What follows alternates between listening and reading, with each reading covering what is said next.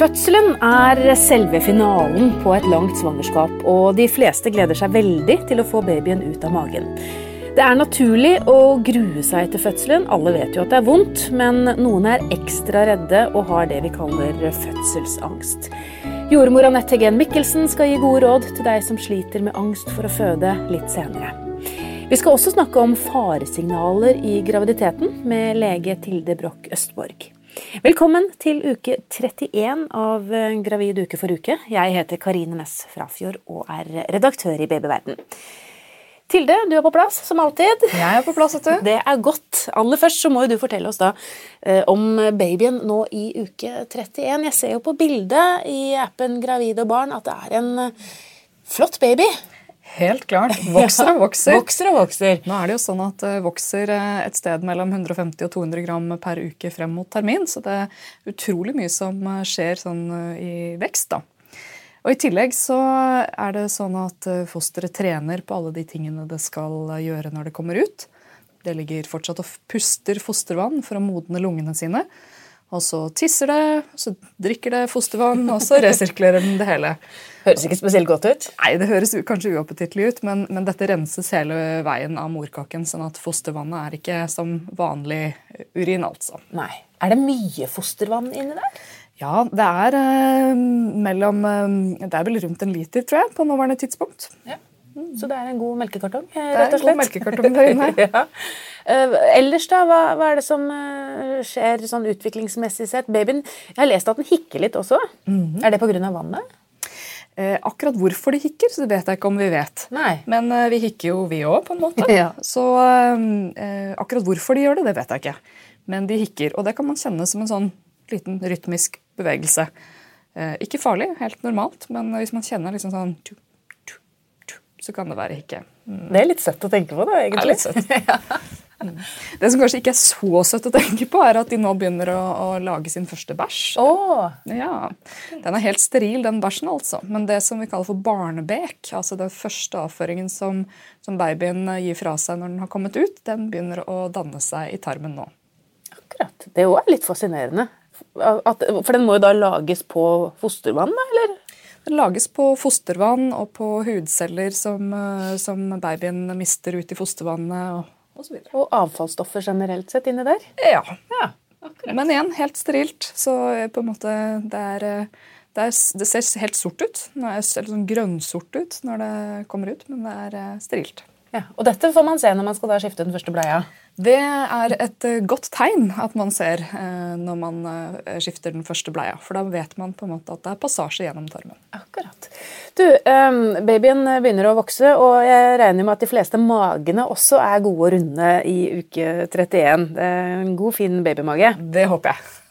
Eh, og så er det sånn at man eh, selvfølgelig gjennom graviditeten og dette har vi jo snakket om før, får litt sånn plager av ymse slag. Uh, men det som er tema for denne episoden, er at vi skal snakke om det, det man må være litt obs på. Altså faresignalene. Der man skal være Der flagget kanskje bør gå opp litt. Grann, Uh, for det er jo ikke alt som er ufarlig, dessverre. Men hva er det liksom det viktigste du tenker på at man må være obs på når man har kommet såpass langt i graviditeten? Der er det for så vidt flere ting, men vi kan jo begynne i en ende. Eh, man skal kjenne liv fra babyen hver dag. Mm. Og så er det sånn at De fleste har nå fått et litt mer sånn rytmisk mønster for liv. Dvs. Si at babyen kan sove noen timer, kan være aktiv og sove noen timer igjen. Men eh, det er klart at hvis en i løpet av en dag ikke har kjent liv, så kan man gjøre de tingene vi snakket om, har snakket om tidligere. Sånn. Legge seg ned, ta et kaldt glass eh, enten vann eller saft, og så kjenne godt etter. Hvis man da har kjent etter i en time eller to uten å kjenne noen ting, så bør man kontakte fødeavdelingen. Så når du sier at man skal kjenne liv hver dag, så er det egentlig flere ganger om dagen? Det er flere ganger om dagen i utgangspunktet. Men erfaringsmessig så er det jo sånn at når en kanskje lever et, et travelt liv, så kan man ha stressa såpass mye i åtte timer av gangen at man ikke har liksom registrert eller kjent etter eller fått det med seg, selv om babyen har vært aktiv. Men hvor mye liv skal man kjenne da? For jeg tenker at Babyen begynner å bli stor, og det begynner å bli trangt om plassen, og man får kanskje ikke de der tydelige sparkene som man har hatt tidligere? Nei, det er helt riktig at uh, typen uh, aktivitet endrer seg, eller hvordan man opplever det, endrer seg utover i svangerskapet.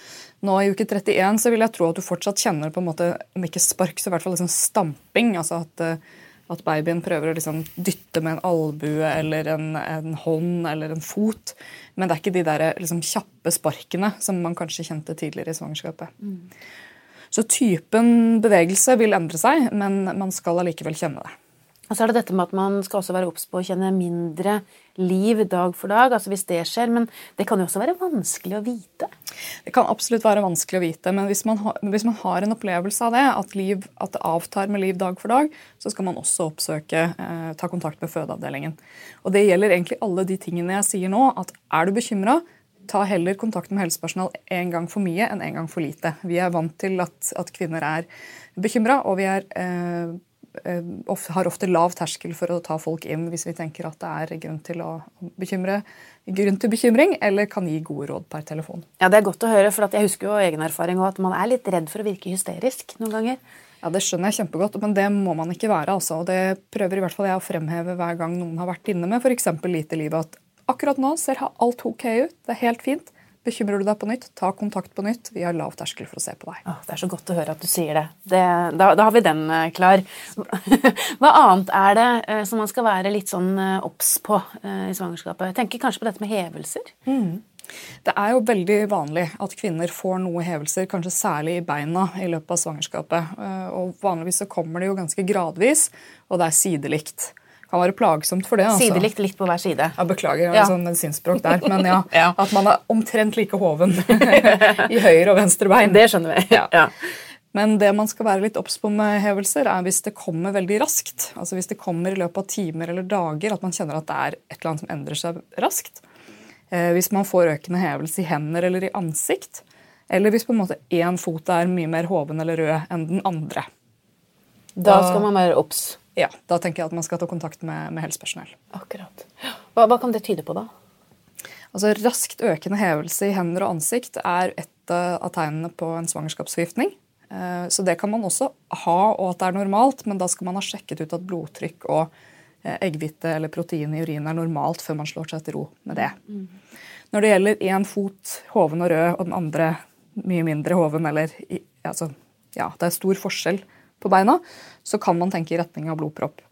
Nå er det sånn at Blodpropp i svangerskapet er veldig veldig, veldig sjelden, men det kan være alvorlig. sånn at da skal man ta kontakt med lege. Mm. Enkelte kjenner kanskje mer sånn nedpress i magen uten at man helt klarer å definere det. Er det vanlig når man blir større? Det er vanlig at man kan kjenne noe mer nedpress når magen blir større. altså Tyngdekraften virker jo på den måten. Men det er klart at frem til uke 34 så ønsker ikke vi at kvinner skal føde. Altså, Vi vil helst at de venter til etter uke 34. Etter uke 34 stopper vi jo ikke fødselen. Det vil si at eh, barn som fødes etter det, eh, får ikke lungemodning, eller vi stopper ikke fødselen, men de kan trenge litt ekstra hjelp med ernæring, typisk. Men nå som vi er i uke 31, så er det fortsatt sånn at hvis du merker økende altså, vonde kynnere, økende nedpress, et eller annet som ikke stemmer i forhold til smerter og sånn, så må du ta kontakt med lege. Mm.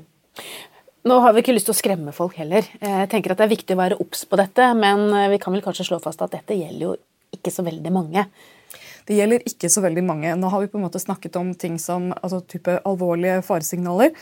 Og de fleste vil ikke ha disse. Eh, men eh, man, har, man har, kan ha mange plager i svangerskapet som er eh, plagsomme, men ikke farlige. Men det er greit å ha skilt ut de som man skal være litt ekstra obs på. Takk skal du ha, lege Tilde Broch Østborg. Vi skal også snakke om uh, noe som kan være skremmende for mange etter pausen, nemlig det å føde. Uh, de fleste er vel kanskje syns det er litt skummelt å tenke på at dette barnet faktisk skal ut, men enkelte er såpass redde at det blir definert som fødselsangst. Og det skal jordmor Anette Hegen Mikkelsen uh, gi gode råd mot litt senere.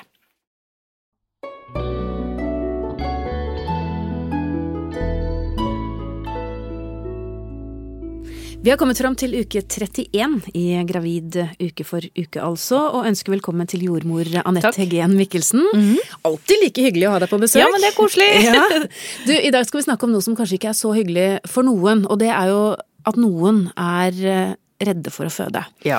Og så finnes det jo forskjellige grader av redsel. Noen syns det er litt skummelt, for de vet ikke hva de går til, men noen eh, føler at de har en fullstendig angst for å føde, og tror kanskje ikke at de klarer det.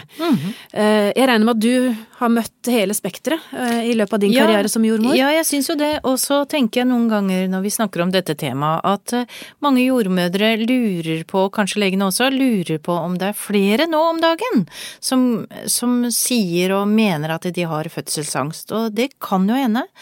Og da lurer jeg litt på om vi sånn generelt sett har for store forventninger til hva vi skal prestere i forbindelse med en fødsel. At det bidrar til at man tenker dette kommer jeg overhodet ikke til å klare, sånn som man tenker at det skal gjøres. Altså man kan lide litt under flink pike-syndromet også i forbindelse med fødsel, tenker jeg. Eh, I gamle dager, for å si det sånn, nå skal vi ikke gjøre, ikke tenke at kvinner hadde fødselsangst i gamle dager, det hadde de helt sikkert, og med, kanskje med større grunn enn det For vi da har nå. var det jo ofte farlig å føde.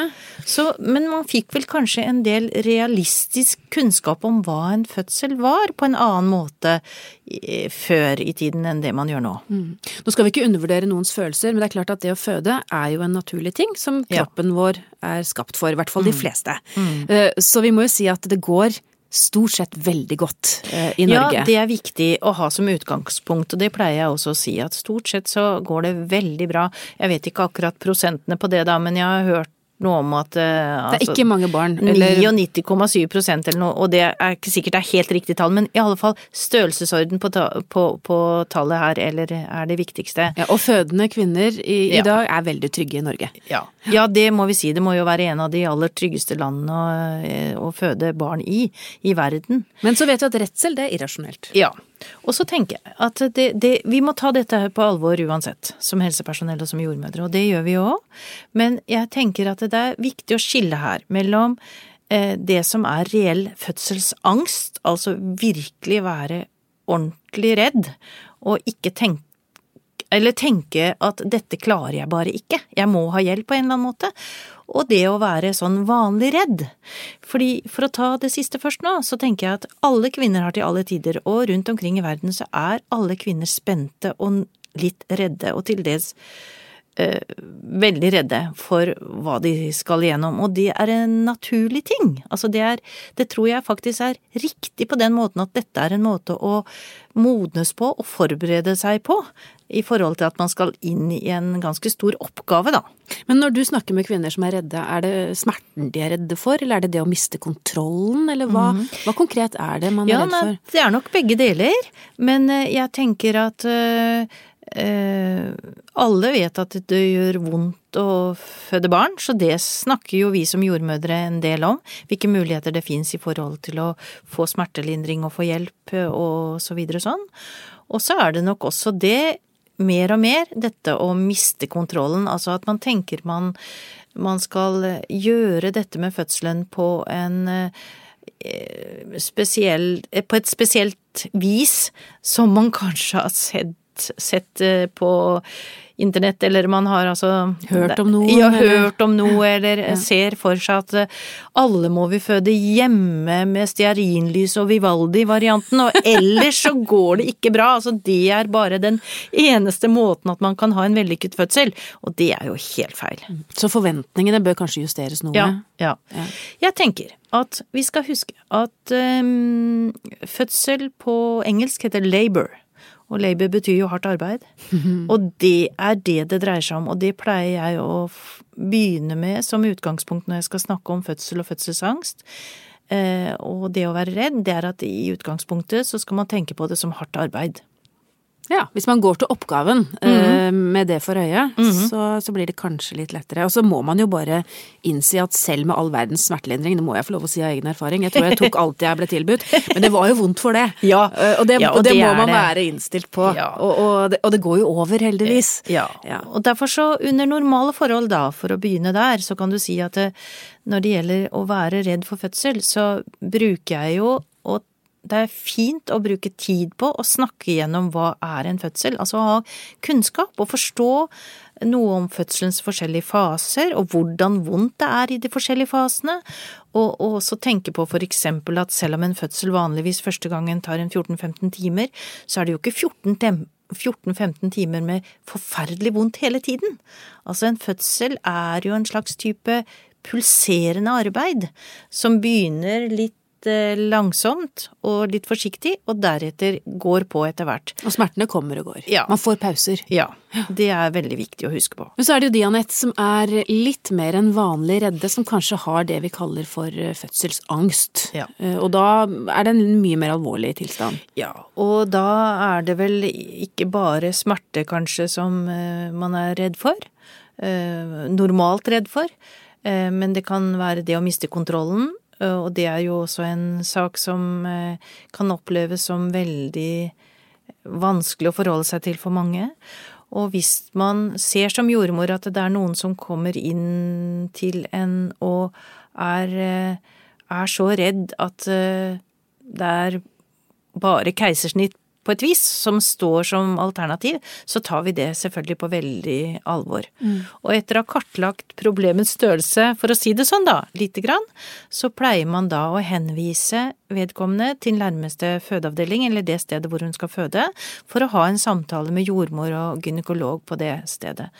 Og, og da går den samtalen på om man kan gjennom å få epiduralbedøvelse, tett oppfølging av en eller eller bare noen få jordmødre, altså lage en fødselsplan, som det heter, altså ta det skritt for skritt, ha en litt sånn oversiktlig plan for hvordan fødselen skal foregå, eh, eh, og bli lovt at man ikke skal ha veldig lang utrivningstid, som det heter, og mange sånne eh, planmessige ting man kan gjøre.